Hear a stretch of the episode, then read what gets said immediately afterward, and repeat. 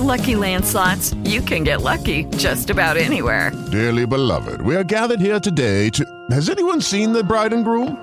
Sorry, sorry, we're here. We were getting lucky in the limo and we lost track of time. No, Lucky Land Casino, with cash prizes that add up quicker than a guest registry. In that case, I pronounce you lucky. Play for free at LuckyLandSlots.com. Daily bonuses are waiting. No purchase necessary. Void were prohibited by law. 18 plus. Terms and conditions apply. See website for details.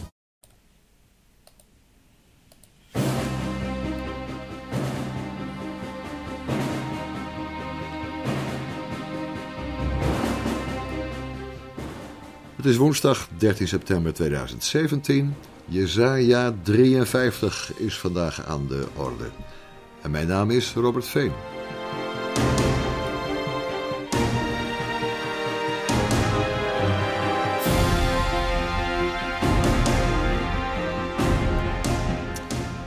Ik heb zo'n vermoeden dat uh, Jezaja 53 nou misschien niet uh, het meest populaire hoofdstuk uit het Oude Testament is, maar het zal niet veel schelen.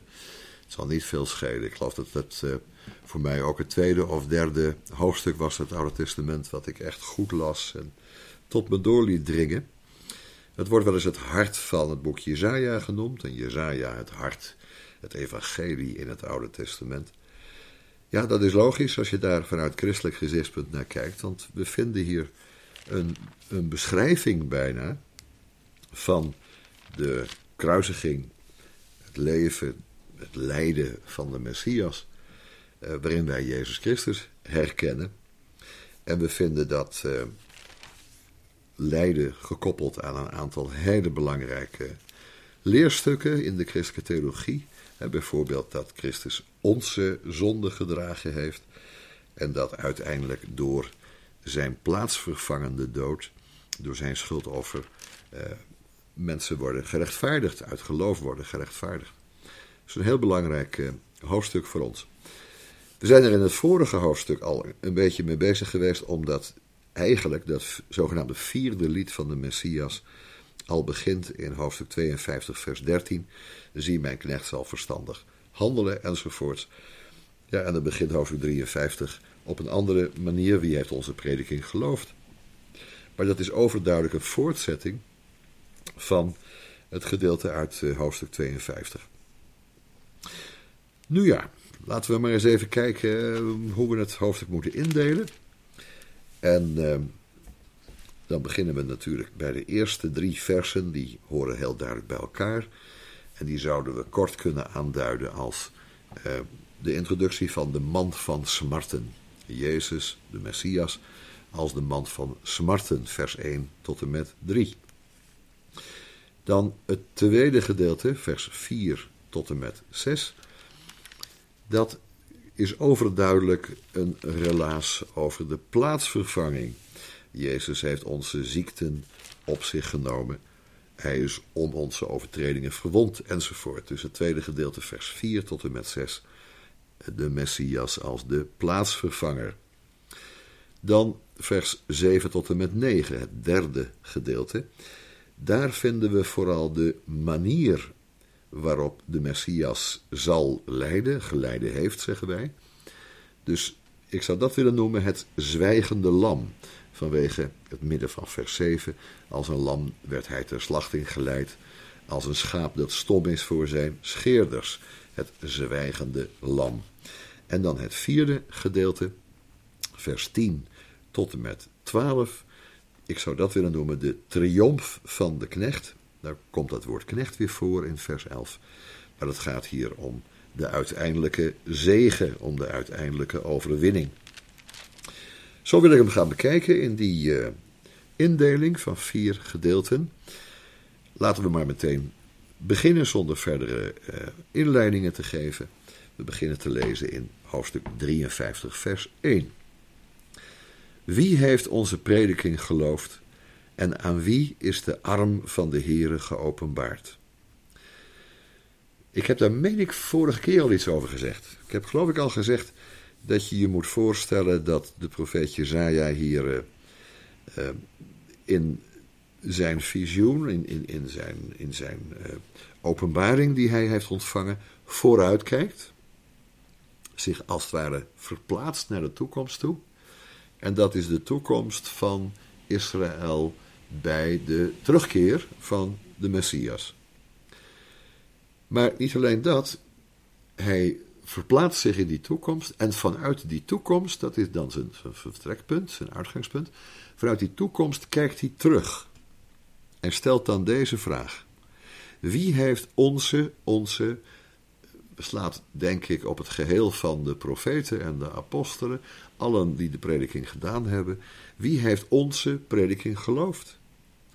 En aan wie is ten gevolge daarvan, vanwege dat geloof, en aan wie is de arm van de Heere geopenbaard? Dus terugkijkend vaststellen dat Israël als geheel haar Messias niet heeft aangenomen, en dus ook die wonderbare verlossing die daarmee samenhing niet heeft mogen meemaken. Wie heeft de prediking geloofd? Het antwoord: bijna niemand. Zo was ook duidelijk al aan, het begin uh, van uh, Jezaja. Ik moet even kijken of ik uit mijn hoofd weet waar ik dan zijn moet. Maar er wordt tegen Jezaja al gezegd uh, dat zijn prediking niet al te veel succes zou hebben. Um, en, en dat hij erop moest rekenen dat het volk doof en blind zou blijven. Ja, hij moest zelfs uh, daar zo mee rekenen hè, dat, dat uh, het idioom wat dan gebruikt wordt, dat is. Uh, maak, maak de oren van dit volk doof, maak de ogen van dit volk blind. dat gevolg van de prediking wordt daar bijna voorgesteld als het doel van de prediking kan het niet zo gauw vinden. Zou dat niet Jezaja 6 moeten zijn? Met het visioen van de roeping. Uh, ja, inderdaad. Jezaja 6 vers 10. Daar wordt door de Heer tegen Jezaja gezegd, gezegd... Maak het hart van dit volk vet en stop hun oren toe en sluit hun ogen...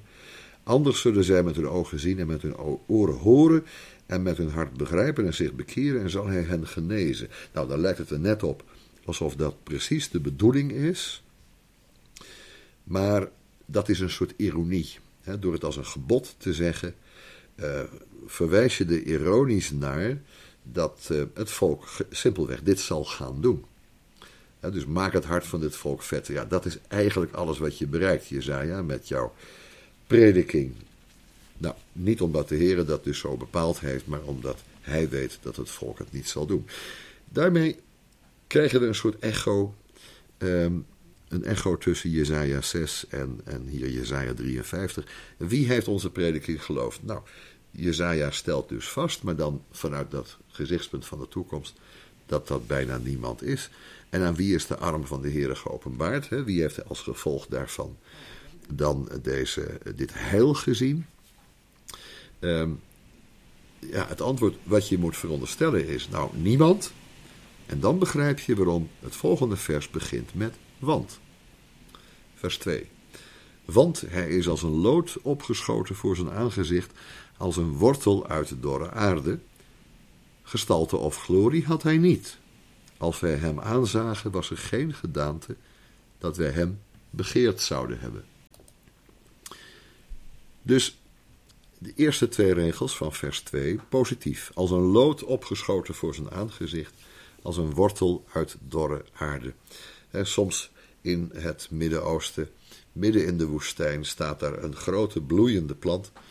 En dat kan omdat hij hele diepe wortels heeft en waterbronnen kan aanboren die eh, voor mensenogen niet te zien zijn, die je ook niet zou vermoeden op zo'n plaats. En zo wordt hier de Messias gezien. Hij komt omhoog uit de dorre aarde, dat is de dorre aarde van het volk waarin uh, hij opgroeit, waarin hij, waaruit hij geboren wordt. En dan is hij als een lood opgeschoten, dat suggereert een snelle en voorspoedige groei. Uh, Jezus nam toe in aanzien bij God en bij de mensen.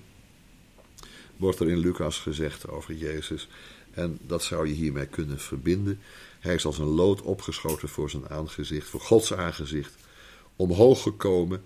Uh, precies zoals God hem bedoeld had, als een bloeiende plant, maar als een wortel uit dorre aarde, hè, met zijn wortels diep in die dorre aarde. En je mag dan denken aan eh, de wortel van Isaïe in Jezaja 11. Want op die dag zal de wortel van Isaïe er zijn. Isaïe is de vader van David. Dus de wortel van Isaïe, dat is de vruchtbaarheid van Isaïe via David. En die zal uh, hier in de toekomst, vanuit Jezaja gezien, en in het verleden, vanuit ons gezien, uh, opschieten, omhoog komen, bedoel ik daar dan mee. Maar dan meteen een soort wending. Hij komt wel omhoog en het is uh, die knecht die verstandig zal handelen, verhoogd geworden volgens 52 vers 10 enzovoort. Vers 13 bedoel ik. Um, maar gestalte of glorie had hij niet. Als wij hem aanzagen was er geen gedaante dat wij hem begeerd zouden hebben. Dat wordt heel vaak uitgelegd alsof Jezus een lelijke man zou zijn geweest. Zo'n Galileër met een, uh, een beetje, nou, misschien wel uh, te donkere huid en, en te donker haar. En nou, geen gedistingeerde, um, knappe man zoals er misschien in Jeruzalem wel rondliepen. Maar dat is totaal niet de bedoeling. Gestalte of glorie had hij niet, dat bedoelt te zeggen. Je kon aan hem zijn koninklijke status niet aflezen. Hij verscheen niet in prachtige kleding, met een kroon op en met fonkelende ogen en bliksemflitsen in de lucht en met eh, wit licht dat van hem uitging. Wat herinner je dat eh, er een passage is in het Nieuwe Testament, in de Evangelie, dat Jezus Jacobus en Johannes mee de bergen opneemt en dan zien ze hem, Jacobus, Johannes en Petrus moet ik zeggen, dan zien ze hem in zijn volle heerlijkheid. Dan zien ze hem dus ook in, uh, ja, in stralende witte gewaden. Uh, ze zien hem lichtgevend, zelfs binnen die witte lichtende wolk waarin ehm, zij allen verkeren dan op de berg. En dan horen ze de stem van God tot hem spreken en ze horen Mozes en Elia verschijnen, nou enzovoort. Dan hebben ze heel even de heerlijkheid van die Heer gezien in, in volle omvang. Herinner je ook de passage uit uh, Openbaringen 1? daar zie je dat Jezus bij zijn terugkeer ehm, er zal uitzien zoals hij aan Johannes op Patmos is verschenen. Dus in de openbaring van Johannes, hoofdstuk 1, zien we die volle heerlijkheid van de Heer Jezus. En dat is uh, in openbaringen 1, vers 13. En in het midden van de zeven kandelaren 1 de zoon des mensen gelijk, bekleed met een lang kleed tot de voeten en omgord aan de borst met een gouden gordel, en zijn hoofd en haar was wit gelijk als witte wol, gelijk sneeuw, en zijn ogen gelijk een vlammend vuur, en zijn voeten waren gelijk aan blinkend koper en gloeiden als in een oven, en zijn stem was als een stem van vele wateren, nou, et cetera. Het laatste en zijn aangezicht was gelijk de zon schijnt in haar kracht.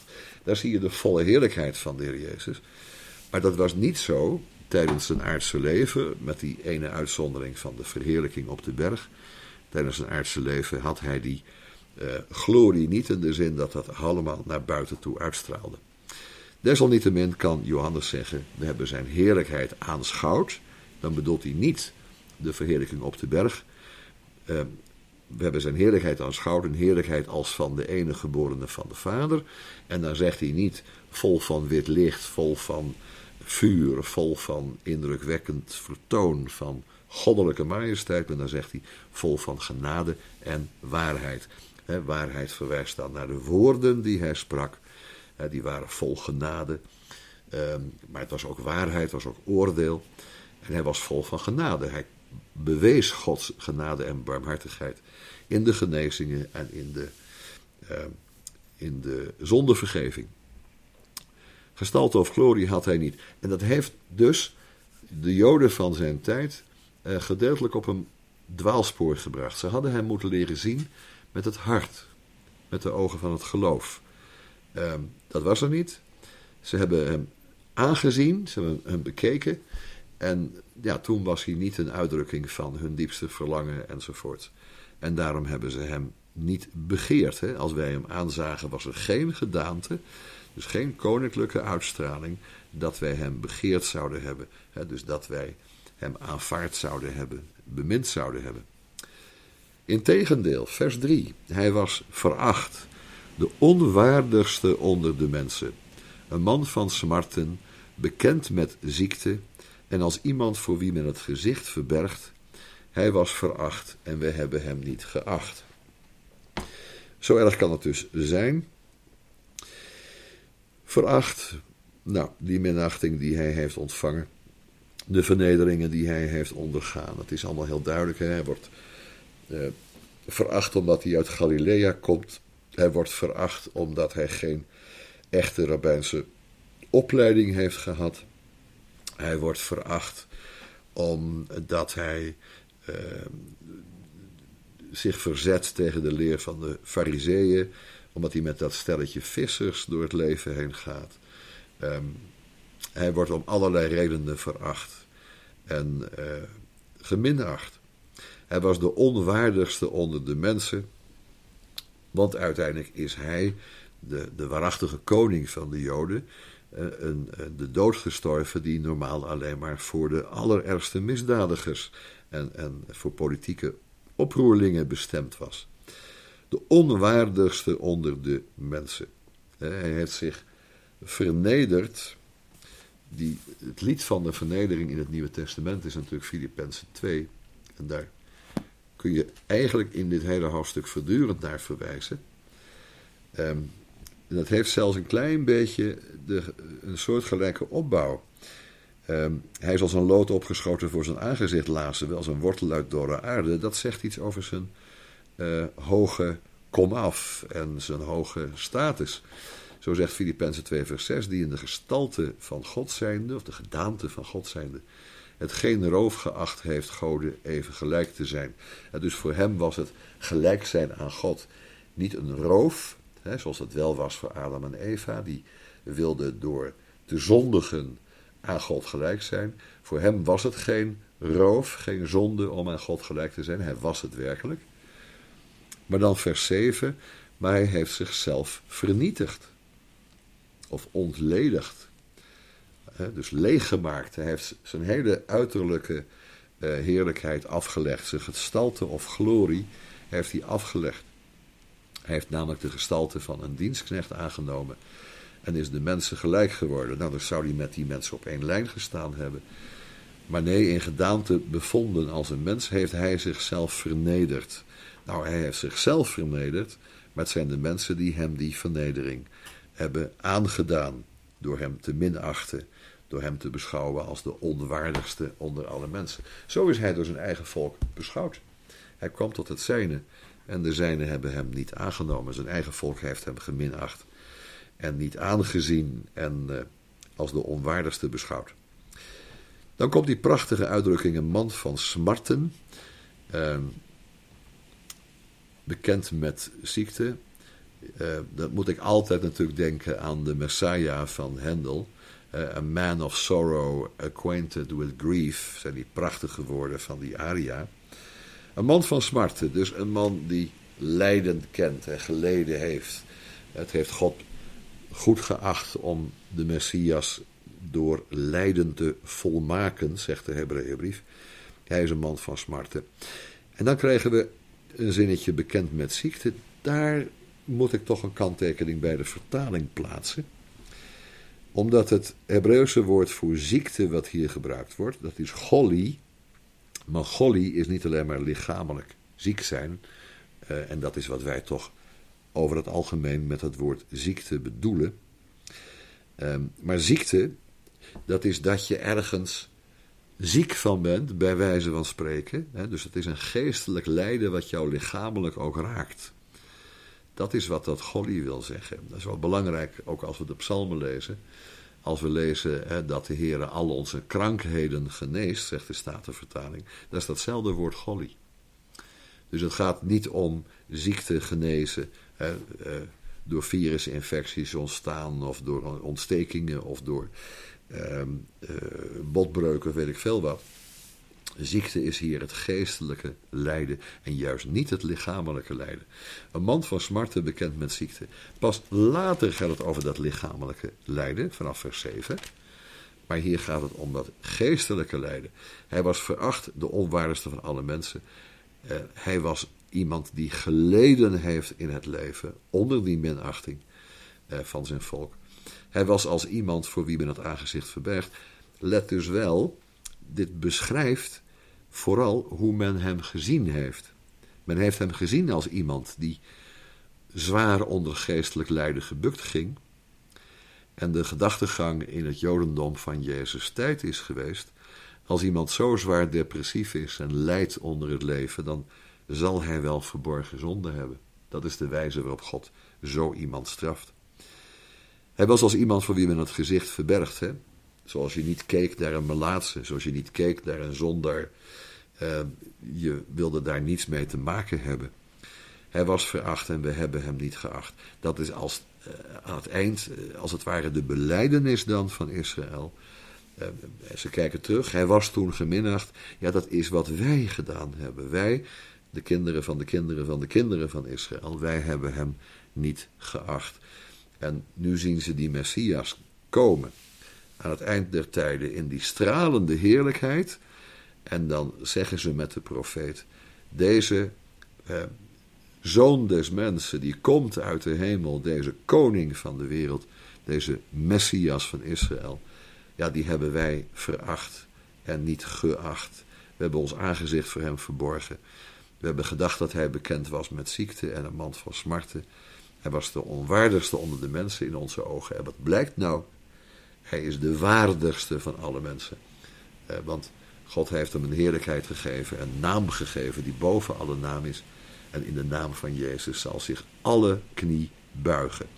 Zo zullen ze het enorme contrast ervaren in de toekomst tussen eh, hun opvatting, hun ervaring met deze Jezus in het verleden en die glansrijke, glorierijke verschijning van Jezus in het heden. Dat was vers 1 tot en met 3.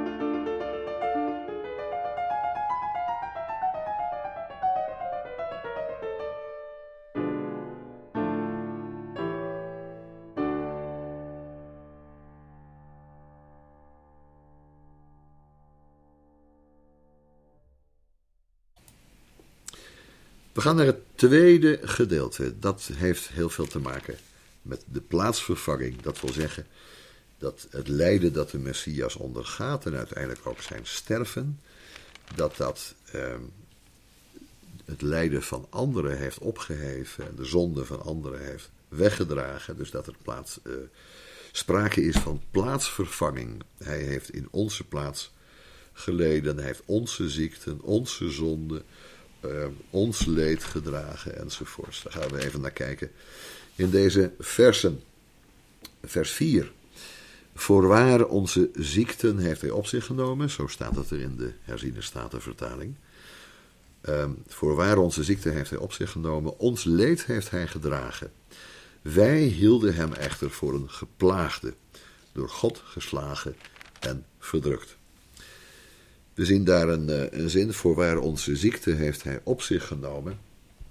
En dat geeft aanleiding om nog weer even terug te komen op dat woord ziekte, wat we al in vers 3 in het midden hebben gehad, bekend met ziekte. Ehm, de voetnoot van de HSV zegt het ook keurig.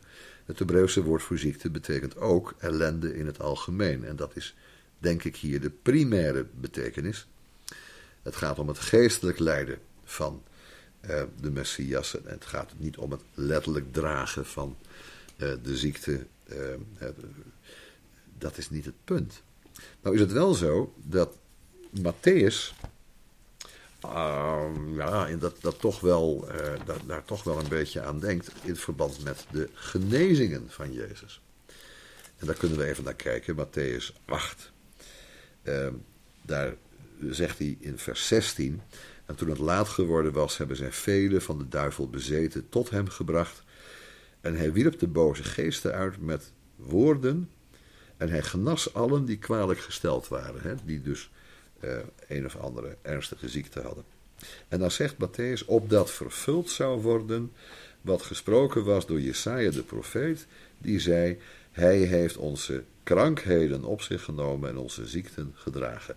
Dan verwijst hij dus naar Jesaja 53, vers 4, ons vers dus. Alleen, let op, in vers 17 is de uitdrukking opdat vervuld zou worden.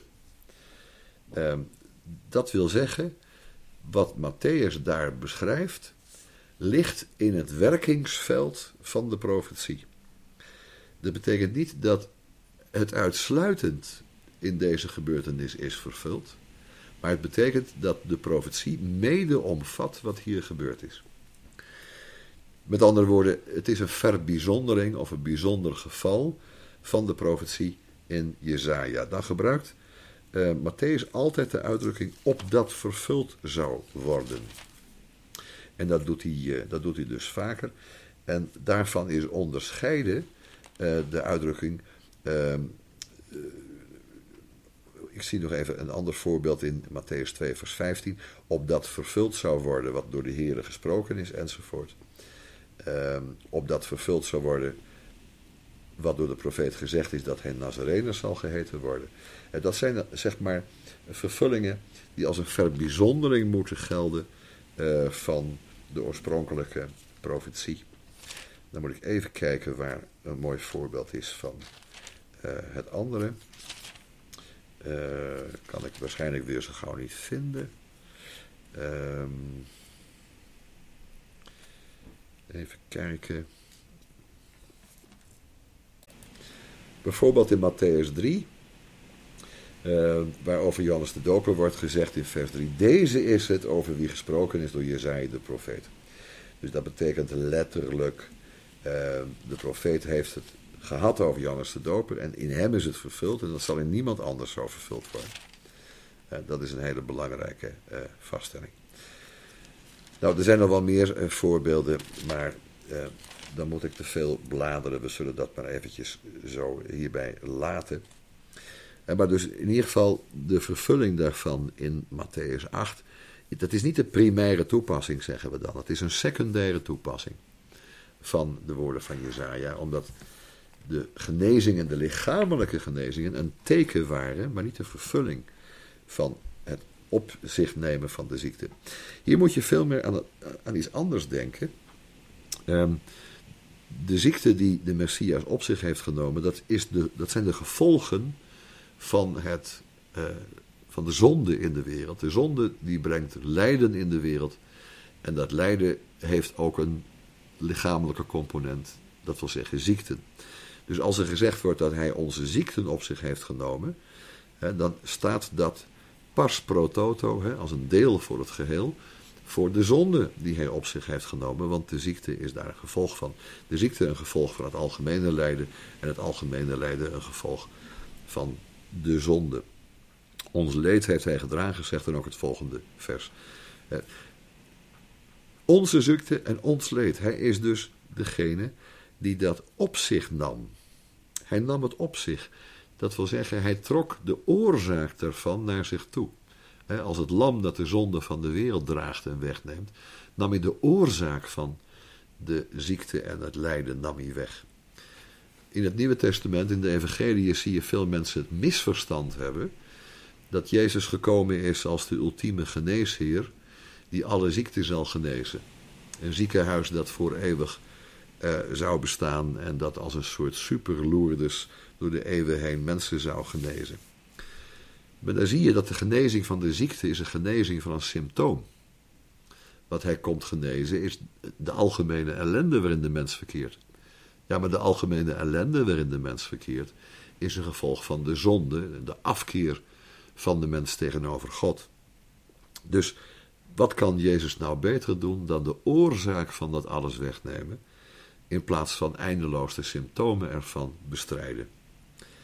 Maar hoe doet hij dat dan? Door dat op zich te nemen. Dus hij draagt de gevolgen, ehm, wordt hier gezegd, maar dat betekent, hij treedt in onze plaats en draagt de oorzaak weg. Ons leed heeft hij gedragen. Zo zou ik deze tekst willen uh, uitleggen. We hielden hem echter voor een geplaagde, door God geslagen en verdrukt. Hè? Dus we zagen aan Jezus dat hij onze menselijke situatie deelde. Hij was net zo kwetsbaar als wij. Um, hij was gevoelig voor leed. Hij onderging leed zelf. Um, maar wij hebben daardoor gedacht dat iemand die zoveel leed ondergaan heeft als Jezus, hè, zijn gevangenneming, zijn geesteling, de vernederingen, de kruisdood, dan moest hij toch wel door God in het bijzonder bestraft zijn, door God geslagen en verdrukt. Zo zal Israël zich dus herinneren hoe ze met de Messias omgegaan zijn. En dan benadrukt hij meteen in het volgende vers dat de ellende die de Messias ondergaat een bevrijding betekent voor volk en wereld. Vers 5. Maar hij is om onze overtredingen verwond. Andere vertaling zegt doorboord. Om onze ongerechtigheden verbrijzeld. De straf die ons de vrede aanbrengt was op hem, en door zijn striemen is er voor ons genezing gekomen. Om onze overtredingen, om onze ongerechtigheden. Dat was de uiteindelijke reden ervan. Hij is niet verwond of doorboord vanwege zijn eigen overtredingen. Er was geen sprake van dat God hem voor zijn zonde gestraft zou hebben. Uh, het verwonden, trouwens, uh, letterlijk het doorboren, daar zou je kunnen denken aan die drie elementen van het doorboren van Jezus. De, de doornen die zijn hoofd hebben doorboord, zijn hoofdhuid althans. Dan de spijkers die zijn handen en voeten hebben doorboord.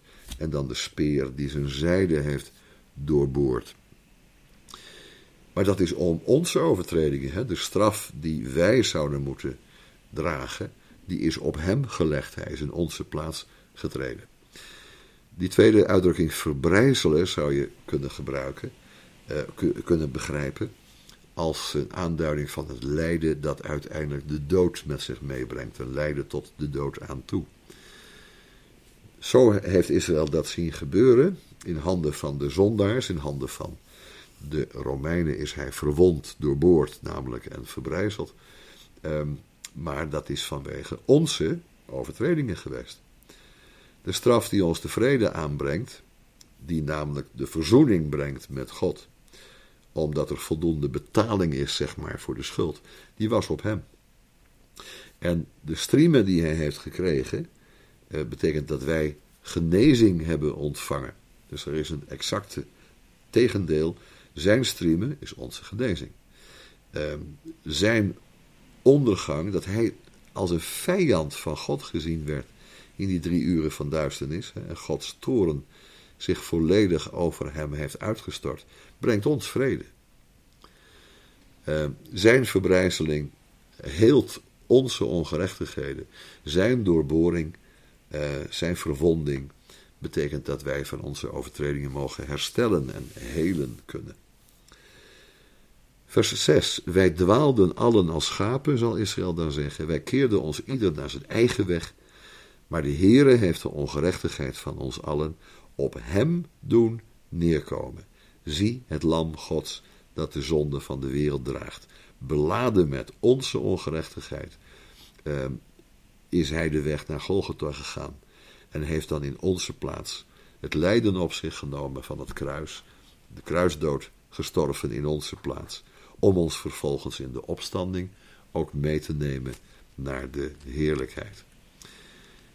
Heel wat parallele passages zou je hier nog bij kunnen lezen, maar ik denk dat de hoofdgedachte hier mooi genoeg is op zichzelf. En dat we dat natuurlijk allemaal uit het Nieuwe Testament ook wel kunnen terugvinden, maar hij in onze plaats. Eh, er is geen ander die onze plaats kon innemen dan deze volmaakte mens, die tevens de zoon van God was, die dus een element van oneindigheid in, in zich had. Ehm, hij kon als die ene mens voor de zonde van allen betalen. Hij kon de plaats van allen innemen. Hij kon ons geheel representeren. Hè? Dus in Christus heeft God de hele mensheid aangezien, zoals hij dat ook in Adam doet. Hè? Zoals Romeinen 5 zegt dat we vanwege Adam allen de dood zullen sterven? Want we worden allemaal in Adam gezien. Maar dat we in de genade van God nu in Christus worden gezien en dan deel hebben aan zijn leven. Nou, zo heeft eh, Christus in eerste instantie de plaats van Adam ingenomen, is hij de tweede, Adam en is de dood gestorven die Adam niet kon sterven. De plaatsvervangende dood voor heel zijn nageslacht kon Adam niet sterven. Adam stierf en de dood van Adam werd als ware doorgegeven volgende geslachten. Maar eh, zo is het ook met Christus. Als Christus sterft, dan geeft hij het leven door. Het leven van de opstanding.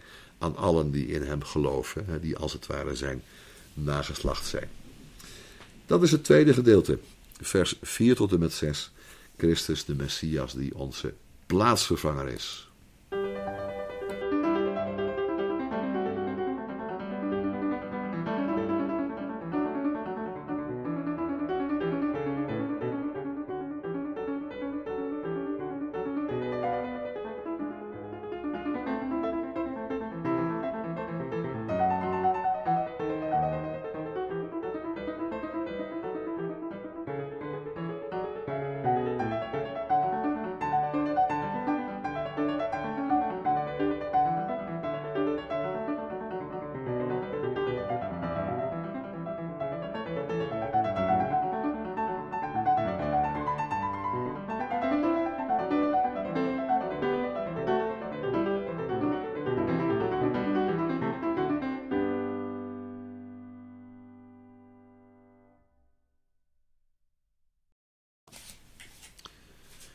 Dan komen we bij vers 7 tot en met 9. En dat heb ik genoemd het zwijgende lam.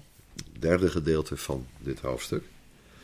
Jezaja 53 vers 7 tot en met 9. En daar vinden we, uh, is toch wel heel bijzonder, een exacte omschrijving. 700 jaar voordat het zou gaan gebeuren. 700, ja pak het beet 700 jaar. Uh, een omschrijving van de wijze waarop de Messias eh, zou lijden en sterven. Er zitten wel wat vertaalkwesties in, maar ik denk dat ik maar even berust in eh, de vertaling die de HSV geeft. Ehm, omdat er nogal wat kleine probleempjes zijn, met één uitzondering. Ik moet wel iets zeggen over vers 8 straks, wat niet helemaal zo geweldig is. Ehm, maar vers 7 laat ik maar even intact. Daar zie je ook in de HSV staan dat er een woord cursief gezet wordt en dus is toegevoegd. Hè? We gaan even lezen. Toen betaling geëist werd, werd hij verdrukt. Maar hij deed zijn mond niet open. Als een lam werd hij ter slachting geleid. Als een schaap dat stom is voor zijn scheerders, zo deed hij zijn mond niet open. We volgen de HSV in vers 7. Toen betaling geëist werd, dus de betaling voor de zonde, hè, toen een losprijs voor de zonde werd geëist, werd hij verdrukt. Dus het idee is, die betaling werd geëist van Israël en de volkeren, van alle mensen. Maar in plaats dat zij verdrukt werden om die betaling te doen, werd hij verdrukt. Dus ook weer het idee van de plaatsvervanging. Maar in die verdrukking deed hij zijn mond niet open. Dat is dan opvallend. Hij wordt verdrukt, hij wordt verbrijzeld, hij wordt verwond. Maar hij, wordt, hij, doet zijn mond niet open.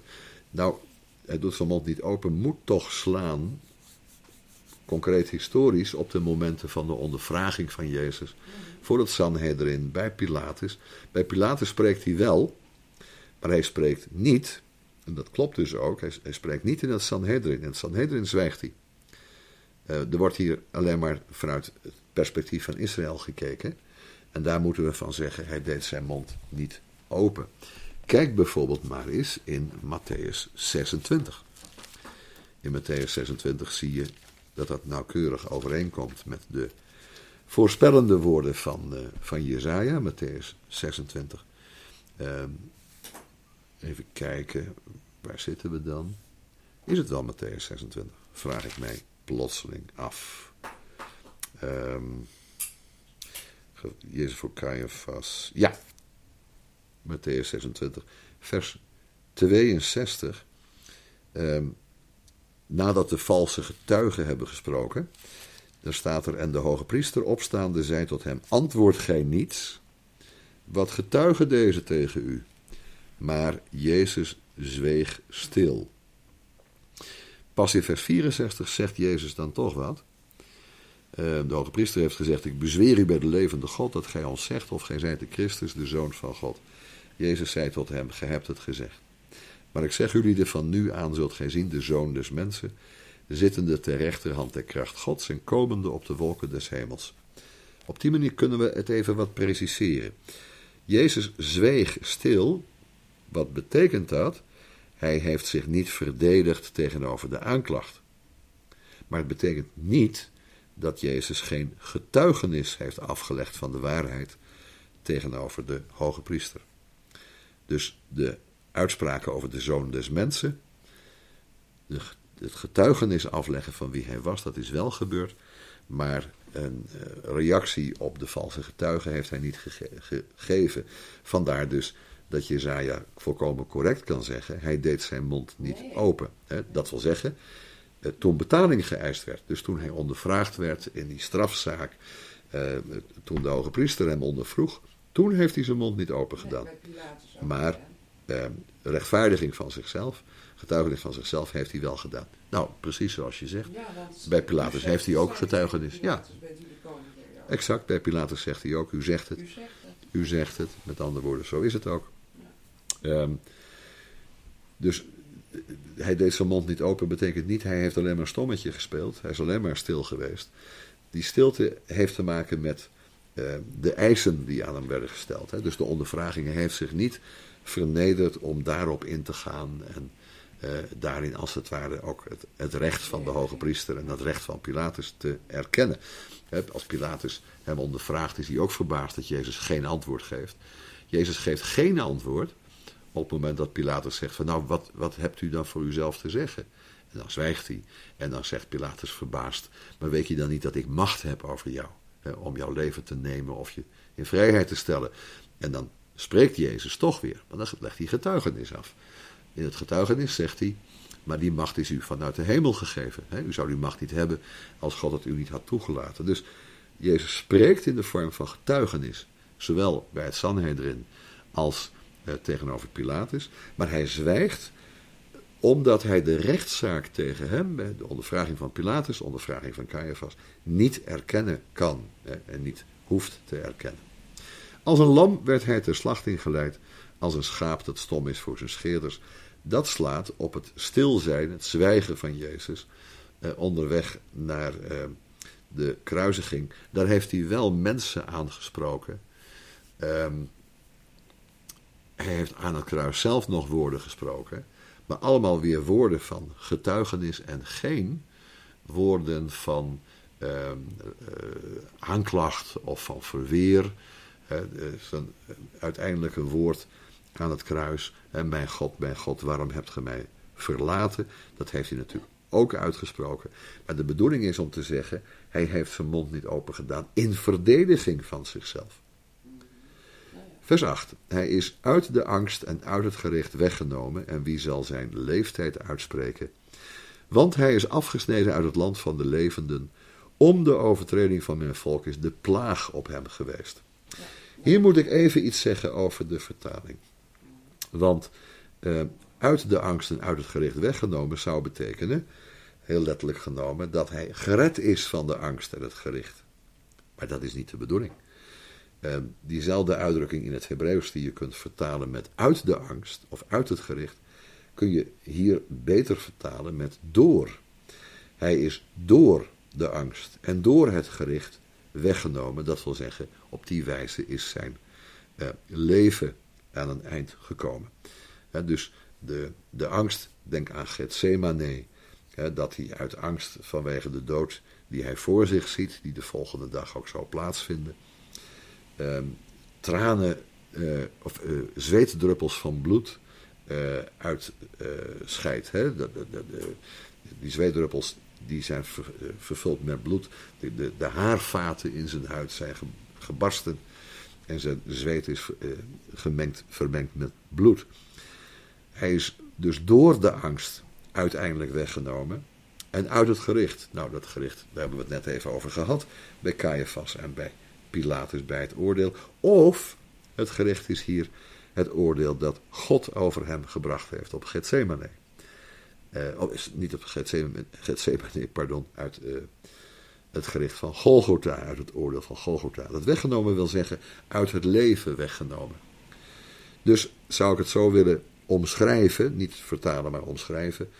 Uh, hij heeft zijn leven verloren, of hij is uit het leven weggenomen door de angst die hij in Gethsemane heeft geleden en door het oordeel dat God op hem heeft gelegd op Golgotha. Het tweede regeltje van de HSV in vers 8 is ook iets om even, even toch te corrigeren, of nou, corrigeren wat te verfijnen. En wie zal zijn leeftijd uitspreken? Het woord voor leeftijd hier betekent over het algemeen generatie, dus zijn herkomst. Wie zal zijn geboorte uitspreken? En het idee is dat hij op zo'n manier is weggenomen dat er als het ware geen herinnering meer was aan zijn aardse leven, aan zijn herkomst. En wie zal zijn leeftijd uitspreken? Het is voor de mensen die hem gekruisigd hebben uh, helemaal onduidelijk wie hij was en wat voor familierelaties hij stond enzovoort. Uh, wie zal zijn leeftijd uitspreken? Wie zal zijn leeftijd verkondigen, zijn generatie verkondigen? Uh, hij is als het ware spoorloos in die dood verdwenen. Voor het oog van degene die hem hebben gekruisigd. Die Romeinse soldaten. Voor Pilatus en voor Caiaphas. Die hebben verder niet meer aan hem gedacht. Totdat natuurlijk de discipelen van Jezus over zijn opstanding gingen spreken. Want, en dat verklaart dus dat niemand die generatie kan uitspreken. Want hij is afgesneden uit het land van de levenden. zoals je een bloem afsnijdt en weggooit, ja, dan is helemaal niet meer te zien dat er een bloem geweest is. Hij is afgesneden. Ten slotte weer die formule van de plaatsvervanging. Om de overtredingen van mijn volk is de plaag op hem geweest. De plaag hier ook overdrachtelijk, net als het woord ziekte. Dus het volle lijden is op hem geweest en weer vanwege de overtredingen van mijn volk. God heeft de straf voor het volk en let wel, een van de gevolgen van de zonde voor het volk wordt in Deuteronomium juist omschreven als de plaag. dus besmettelijke ziekten die het volk zouden kunnen decimeren zelfs. Ehm, dus hier wordt vooral gedacht aan straf of consequentie van de zonde voor het volk. Nou, die consequentie van de zonde is op hem gelegd. En dan wordt het dus overdrachtelijk als het op hem gelegd is, want hij heeft natuurlijk niet letterlijk die plaag gedragen. Dus op dezelfde manier dat de ziekte eh, een gevolg was van de zonde, ook in Deuteronomium, als het volk zou zondigen, dan zou God de, de ziekte niet tegenhouden, de plaag op hen leggen en hij zou de vijandschap van de volkeren rondom tegen hen in het geweer brengen. Hij zou hongersnoden laten ontstaan, de oogsten laten mislukken. Um, en dit alles overkomt dus de Messias, die plaatsvervangend voor zijn volk gaat staan. En zoals wij weten uit het Nieuwe Testament, niet alleen maar voor zijn volk, maar dus ook voor de uh, heidenen in de gemeente deze plaatsvervangende rol vervuld heeft. Om de overtreding van mijn volk is de plaag op hem geweest. Dan in vers 9 weer heel bijzonder um, de nauwkeurigheid van de profetie. Vers 9. Men heeft zijn graf bij de goddelozen gesteld en hij is bij de rijken in zijn dood geweest, omdat hij geen onrecht gedaan heeft en geen bedrog in zijn mond geweest is. Men heeft zijn graf bij de goddelozen gesteld. Ja, als je geëxecuteerd werd op Golgotha, dan werd je in de buurt van Golgotha in de grond begraven zonder grafsteen of wat dan ook. Dus je werd begraven op een nogal achterloze wijze om van het lijk af te zijn. En het idee was dat dat natuurlijk helemaal geen eervolle begrafenis was. Maar zo werden de lijken van misdadigers, van geëxecuteerde misdadigers, eh, snel in de grond geworpen. Nou moet je dat stellen dus goed begrijpen. begrijpen. Degene die Jezus hebben geëxecuteerd, die hebben zijn graf bij die goddelozen willen uh, plaatsen. Die hebben hem dus op die wijze willen begraven. Maar we weten dat dat niet gebeurd is. Jozef van Arimathea, een van de rechters in het Sanhedrin, is naar Pilatus toegegaan. Heeft Pilatus op vrijdag nog gevraagd, hè, voor het aanbreken van de Sabbat, heeft Pilatus om het lijk van Jezus gevraagd en tot ieder stomme verbazing heeft Pilatus dat toegelaten. En zo kreeg Jozef de gelegenheid om Jezus een haastige begrafenis te geven. En zonder hem te kunnen balsemen, want daar was geen tijd meer voor.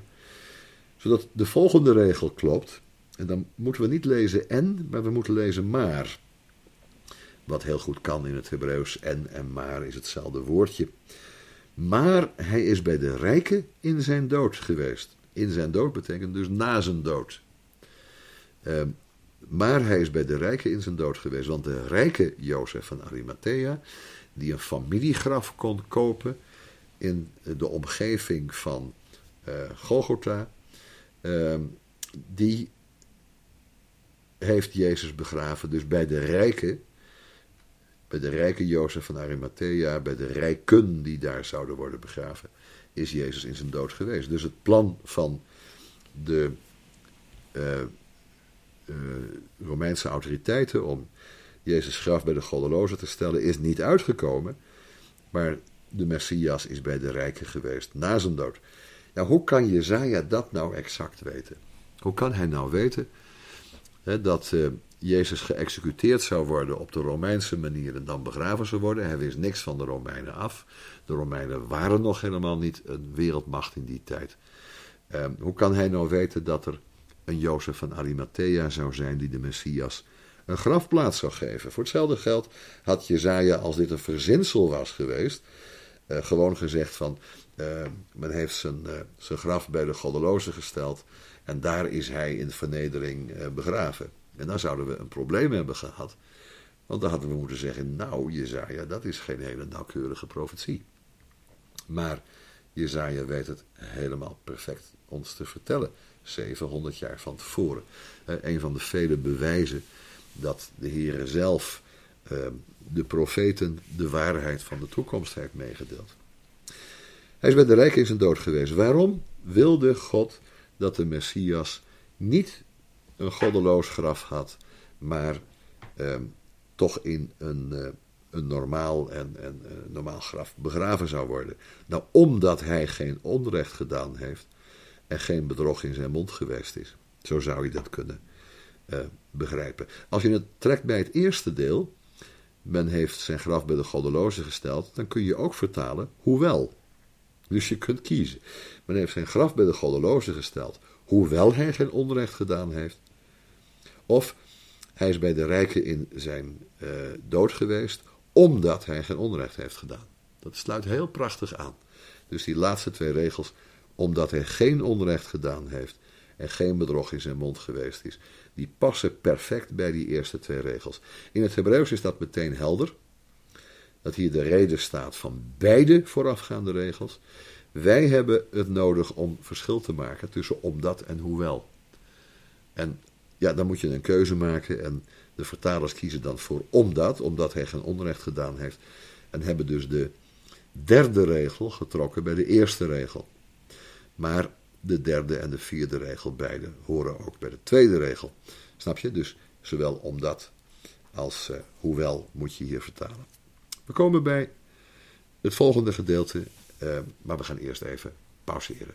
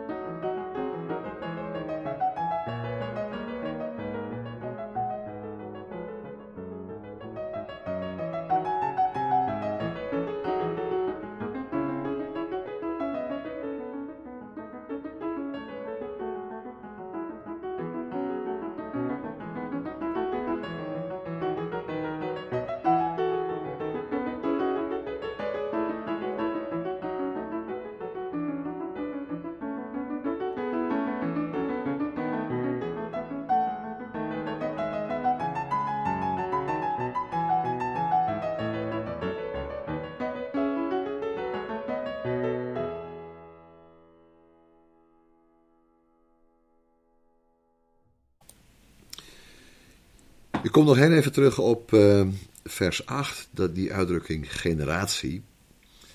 Uh, want daar zijn eigenlijk drie uh, betekenissen voor te onderscheiden. Ik heb vooral even gesproken over de herkomst, maar ehm, er zijn commentaren die het als volgt onder woorden brengen. Die zeggen er zijn drie aspecten aan, aan die generatie. dus wie zal zijn leeftijd uitspreken in vers 8. Uh, in de eerste plaats de herkomst. Zo zou je, eh, zo zou je dat woord kunnen begrijpen. Dus dat, dat die onbeduidende herkomst van hem in, in Nazareth, zoals men dat natuurlijk steeds opgevat heeft. niemand heeft meer gedacht aan zijn geboorte in Bethlehem. Die herkomst is als het ware afgesneden. Hè? Dat, wie spreekt dat uit? Nou, niemand meer. Ten tweede, het hele aardse leven. De hele aardse, het hele aardse leven van Jezus. Nou ja, minstens tot aan zijn dertigste is dat ook uh, zelfs vanuit het evangelie gezien een, uh, een onduidelijkheid. En er wordt niet over gesproken. Um, maar het hele aardse leven is als het ware. Ja, wie, zal, wie zal het uitspreken? Hier zou je ook weer moeten begrijpen. Wie heeft het uitgesproken? Hè? Wie heeft dat nou kunnen verklaren of overwegen of verkondigen? dus je moet dat net zo lezen als wie heeft onze prediking geloofd in de verleden tijd. Hè? Wie, wie heeft. Um, wie heeft zijn generatie kunnen uitspreken. Maar er is een derde betekenis die ik ook heel interessant vind. En dat is wie begrijpt zijn hemelse heerschappij. Hè? Dan is de generatie is datgene wat, waartoe hij verhoogd werd. Dan kijk je juist naar de uitkomst van alles en niet naar de herkomst van alles. Wie heeft zijn hemelse heerschappij begrepen?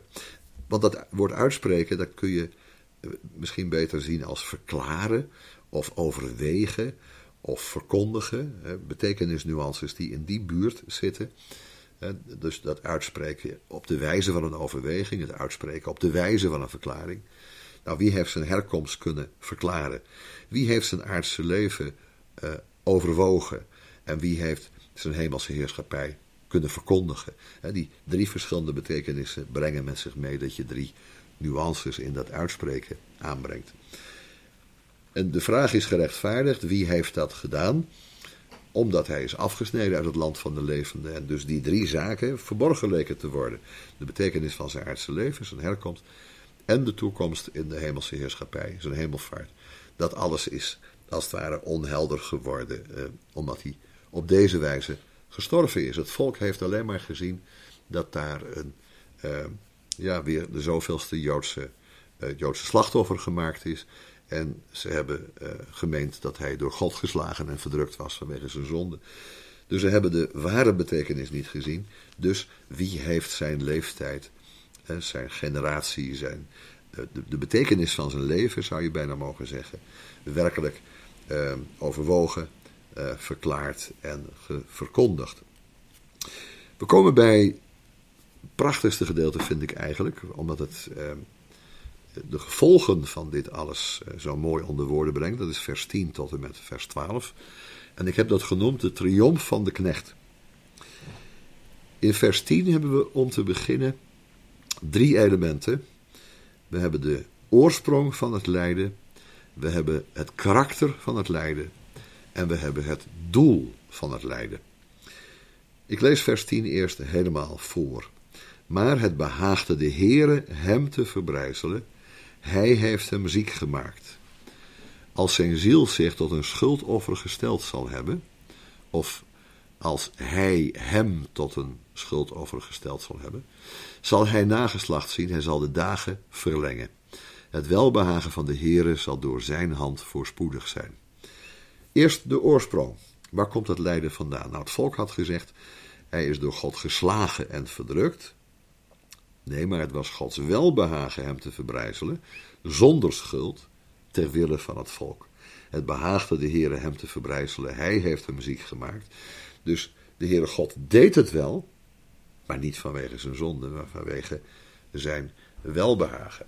In Handelingen 2, Handelingen 2, vers 23, eh, wordt door Petrus over Jezus gezegd: Deze door de bepaalde raad en voorkennis van God overgegeven, hebt gij genomen en door de handen van, een, door de handen van onrechtvaardigen aan het kruis geslagen en gedood. Die God echter heeft opgewekt. Die de smarten van de dood heeft ontbonden. Omdat het niet mogelijk was dat hij door de dood zou worden vastgehouden. Nou, dus nadrukkelijk is het Gods bedoeling geweest dat het zo met de Messias zou aflopen. Ondanks het feit dat deze Messias zelf geen onrecht gedaan had. Eh, geen onrecht gedaan heeft, geen bedrog in zijn mond geweest is. Eh, zodat het oordeel van het volk dat het vanwege de zonde was, niet uh, klopte. De oorsprong dus van het lijden van de Messias. Dan de aard, het karakter van dit lijden. als hij, dat is God, hem, dat is Christus, tot een schuldoffer gesteld zal hebben, gesteld heeft, uh, weer met, in verband met dat terugkijken, dan lezen we het dus zo dat God zijn Messias als een schuldoffer heeft gesteld. Dat kan net zo goed zo vertaald worden als, als zijn ziel zich tot een schuldoffer gesteld zal hebben. dus als hij uh, zijn ziel tot een schuldoffer gesteld zal hebben, hij namelijk, de God de Vader, uh, zijn ziel, dat wil zeggen de ziel, het leven van Christus. Maar dat is dus de aard, het karakter. Het is dus niet uh, een slachtoffer of um, iemand die schuld draagt en daarom sterft, maar iemand die als een schuldoffer, dus als een substituut, sterft. Als je als schuldoffer sterft, sterf je voor de schuld van iemand anders. Het lam dat wordt geslacht met Pesach, met Pasen, sterft ter wille van het volk, hè, om de zonde van het volk te verzoenen. Zo is zijn leven dus een schuldoffer geweest. Dat is het karakter van zijn dood. Het is een plaatsvervangend offer.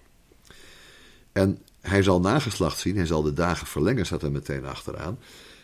Tussen die twee regels in maakt Jezaja weer zo'n profetische sprong, zal ik het maar gaan noemen. Want dat nageslacht, dat zijn de discipelen geweest. En de dagen verlengen, dat is het eeuwige leven, het leven wat niet meer door de zonde uh, besmet is, niet meer door de zonde geraakt wordt, waar de dood geen heerschappij meer over heeft. Dat is het leven van de opstanding. Hij zal nageslacht zien in de vele gelovigen, de mensen die in hem geloven.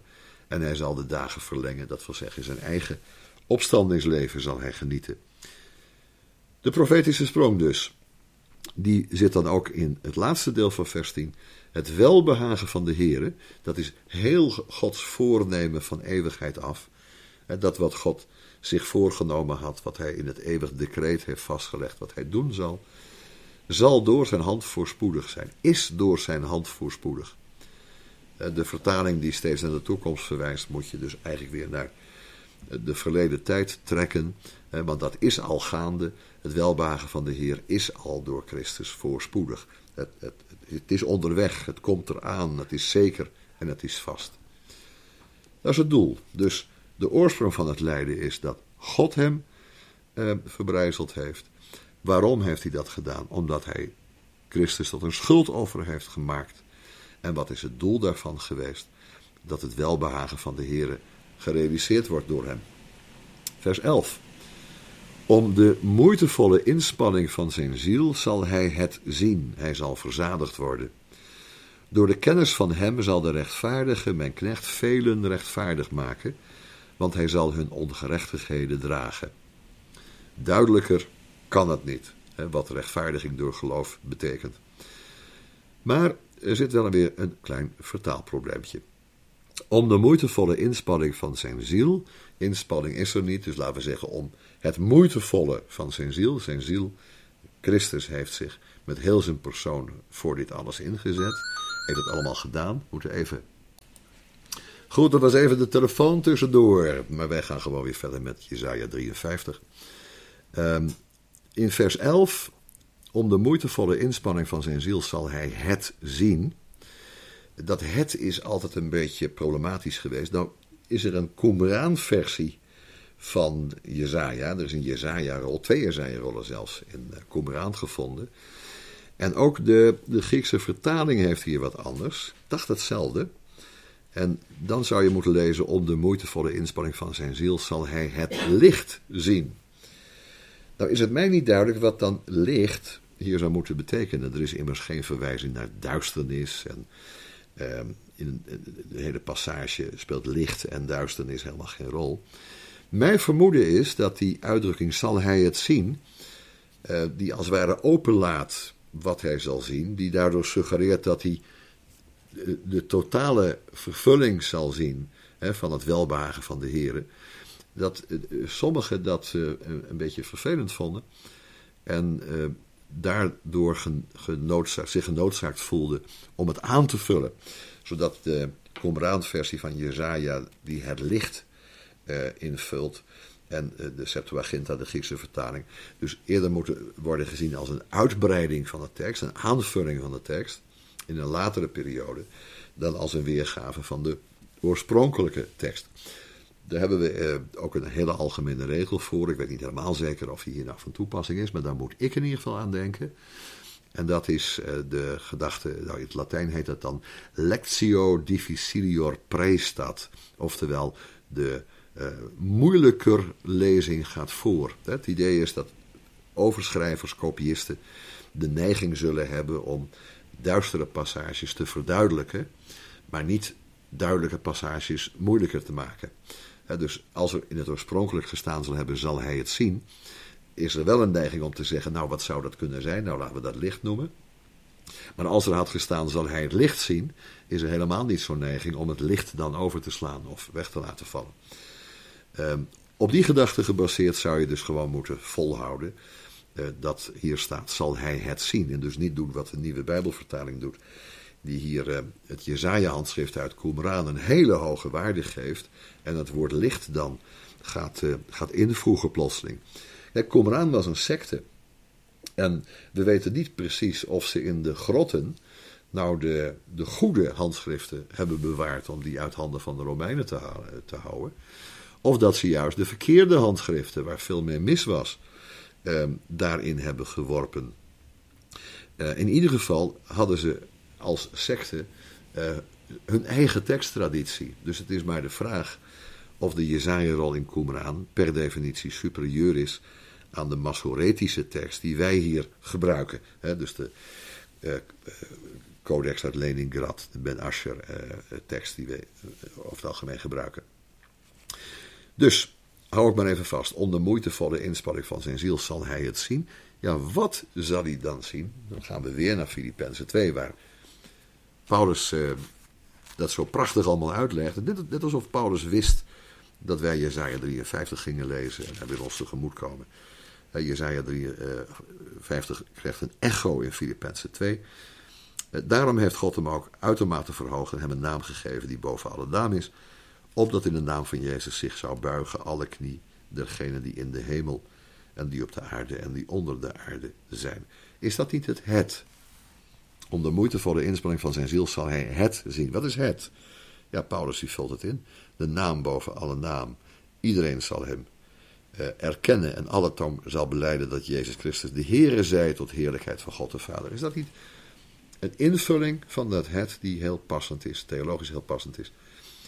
Dat, daarmee wil ik niet zeggen dat Jezaja daaraan gedacht heeft, maar ik wil zeggen dat wij dat, uh, datgene wat Paulus schrijft daarin kunnen terugvinden. Want, zeker het einde van dat stukje, hij zal verzadigd worden. dus de nieuwe toestand van de Messias hij is het tegendeel van dat diepe lijden. Het is oneindige heerlijkheid en verheerlijking. Nog zo'n kwestie in het vervolg. Door de kennis van hem zal de rechtvaardige, mijn knecht, velen rechtvaardig maken, want hij zal in ongerechtigheden dragen. Is het nou de kennis van hem? Dat zou betekenen dat velen eh, rechtvaardig eh, eh, gemaakt worden door hem te kennen. Is dat niet een rare zin dan eigenlijk? De rechtvaardige zal velen rechtvaardig maken door de kennis van hem.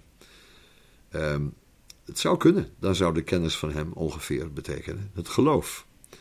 Maar het ligt veel meer voor de hand om te zeggen, door zijn kennis, in het Hebreeuws kan dat beide, de kennis van hem of zijn kennis is in het Hebreeuws precies hetzelfde. Door zijn kennis zal de rechtvaardige mijn knecht vele rechtvaardig maken. Dat is de kennis, het inzicht, de wijsheid die de rechtvaardige knecht zelf heeft. Daarmee maakt hij vele rechtvaardig. Zo zou je het ook wel kunnen lezen. Ik begrijp best dat er een lichte voorkeur is om te lezen de kennis van hem, maar het is zo'n rare uitdrukking als je het zo leest, de kennis van hem, eh, als het dan toch uiteindelijk om geloof gaat.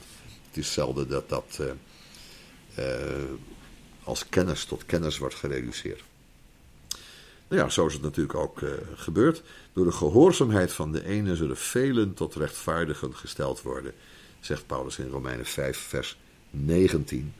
Uh, en dat is uiteraard door geloof, maar de rechtvaardige zal velen rechtvaardig maken, dus als rechtvaardigen stellen. En dat gebeurt door die ene daad van rechtvaardigheid, die zoveel omvat, maar toch als één enkele daad opgevat kan worden: het werk van Christus aan het kruis en alles wat dat behelst. Daardoor zal hij velen rechtvaardig maken. En dan denk ik dat zijn kennis beter is dan de kennis van hem. Want eh, de rechtvaardige zal niet velen rechtvaardig maken door middel van het feit dat men hem kent. Nee, door zijn eigen wijsheid en inzicht zal hij velen rechtvaardig maken. Het is die kennis namelijk die hem ertoe gebracht heeft om te doen wat God van hem gevraagd heeft door werk aan het kruis te volbrengen. Want hij zal hun ongerechtigheden dragen. Dat is net als uh, al die andere punten uh, daarvoor. Hè, uh, om de overtreding van mijn volk is de plaag op hem geweest. Hij is om onze overtredingen verwond, om onze ongerechtigheden verbrijzeld. hier het dragen van de ongerechtigheden. Daar zie je een soort van uitleg van vers 4. Onze ziekte heeft hij op zich genomen, ons leed heeft hij gedragen. Nou komt de apelsware uit de mouw. Hij zal hun ongerechtigheden dragen.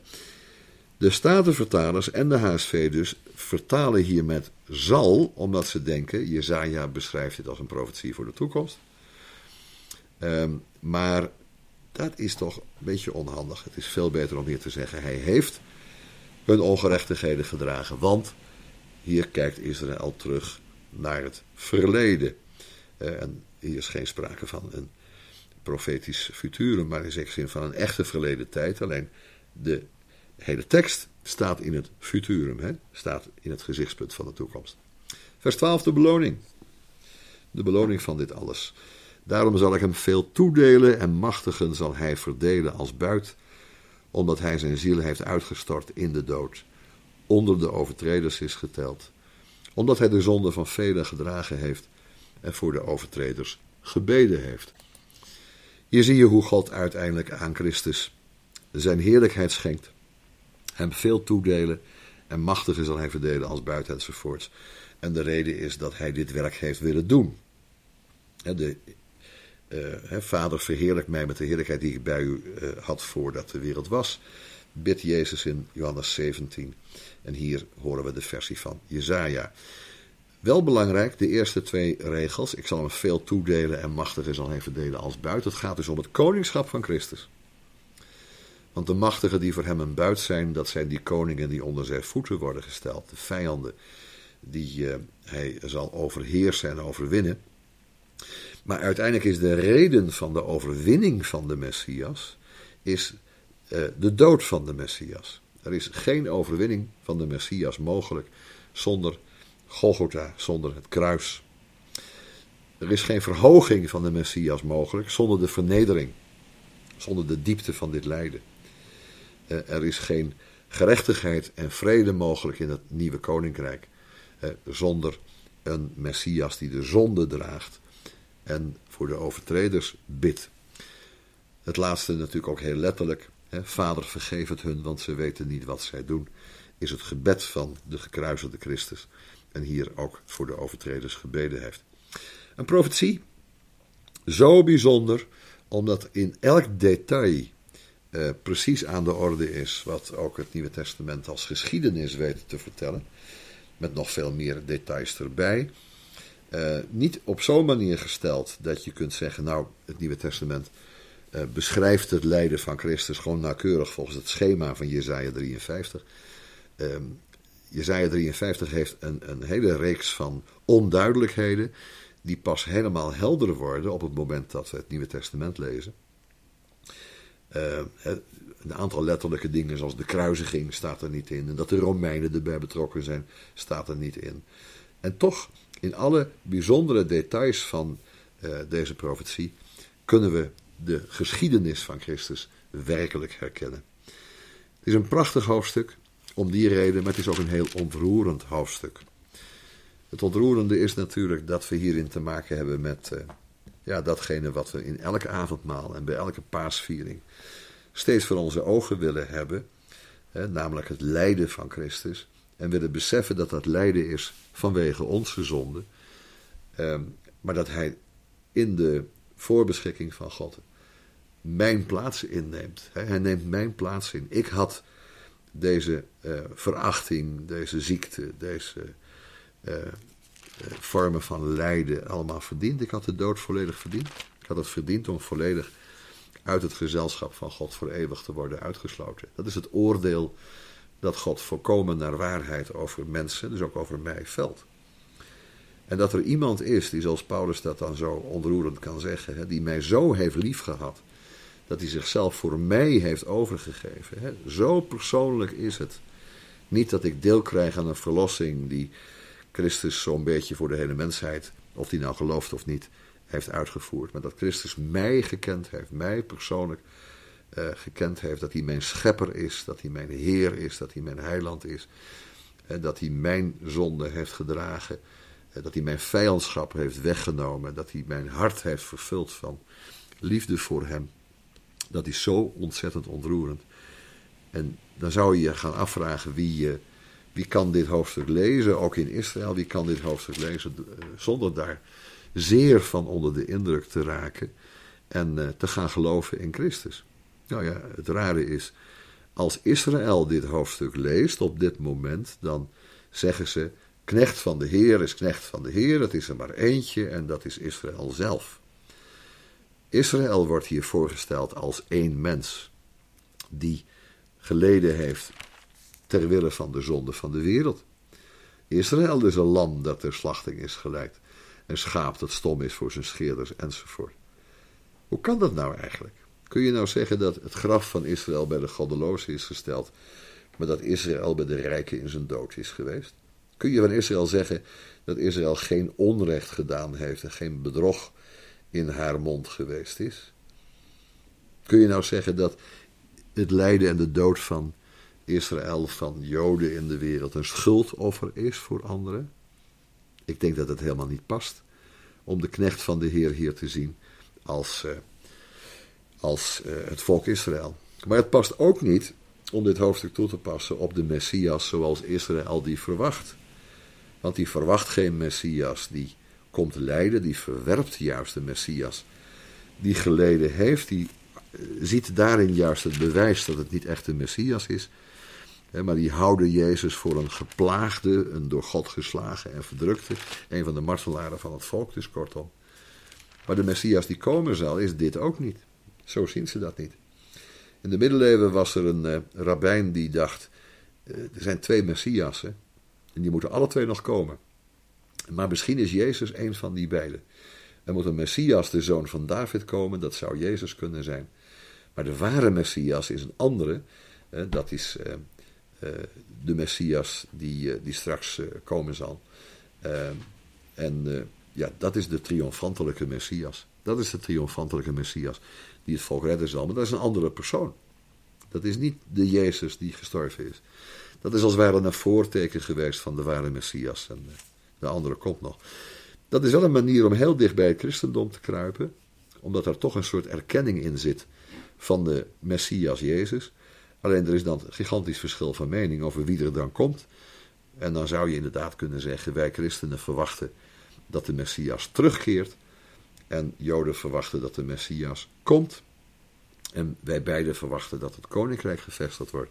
Maar het grote verschil blijft dit: dat wij zeggen van deze eerste komst van de Messias, dat Jezus een schuldoffer voor de zonde heeft gebracht. Dus dat hij het probleem van de zonde heeft opgelost. Dat hij daarmee het nieuwe verbond heeft geïnaugureerd. Dat hij het daarmee heeft mogelijk gemaakt dat de geest van God in de mens woont. Dat is wat het Jodendom ontkent en daarom gaan wij nog altijd gescheiden wegen. Nou, dat was Jezaja 53, wat ik daar op dit moment allemaal van zeggen kan. Zoals gezegd, heel veel parallele passages en belangrijke teksten uit het Nieuwe Testament die hier van toepassing zijn, heb ik toch maar even overgeslagen. om het niet al te lang te maken. Maar we vonden vier delen, vier onderwerpen. De man van smarten, de leidende knecht namelijk. De plaatsvervanger, want zijn lijden was vanwege onze zonde. Het zwijgende lam, dat was de wijze waarop hij zijn lijden ook eh, geaccepteerd heeft zonder daar eh, tegen te strijden. Hè. Het is het weerloze lam wat hier geslacht wordt. Maar tenslotte ook de triomf van de knecht. Ehm, en dat is waarachtig nog eh, toekomstig in zijn volle omvang, maar al gerealiseerd voor de gemeente die de naam van Christus draagt. Dat is Isaiah 53. Dank voor het luisteren en tot de volgende keer.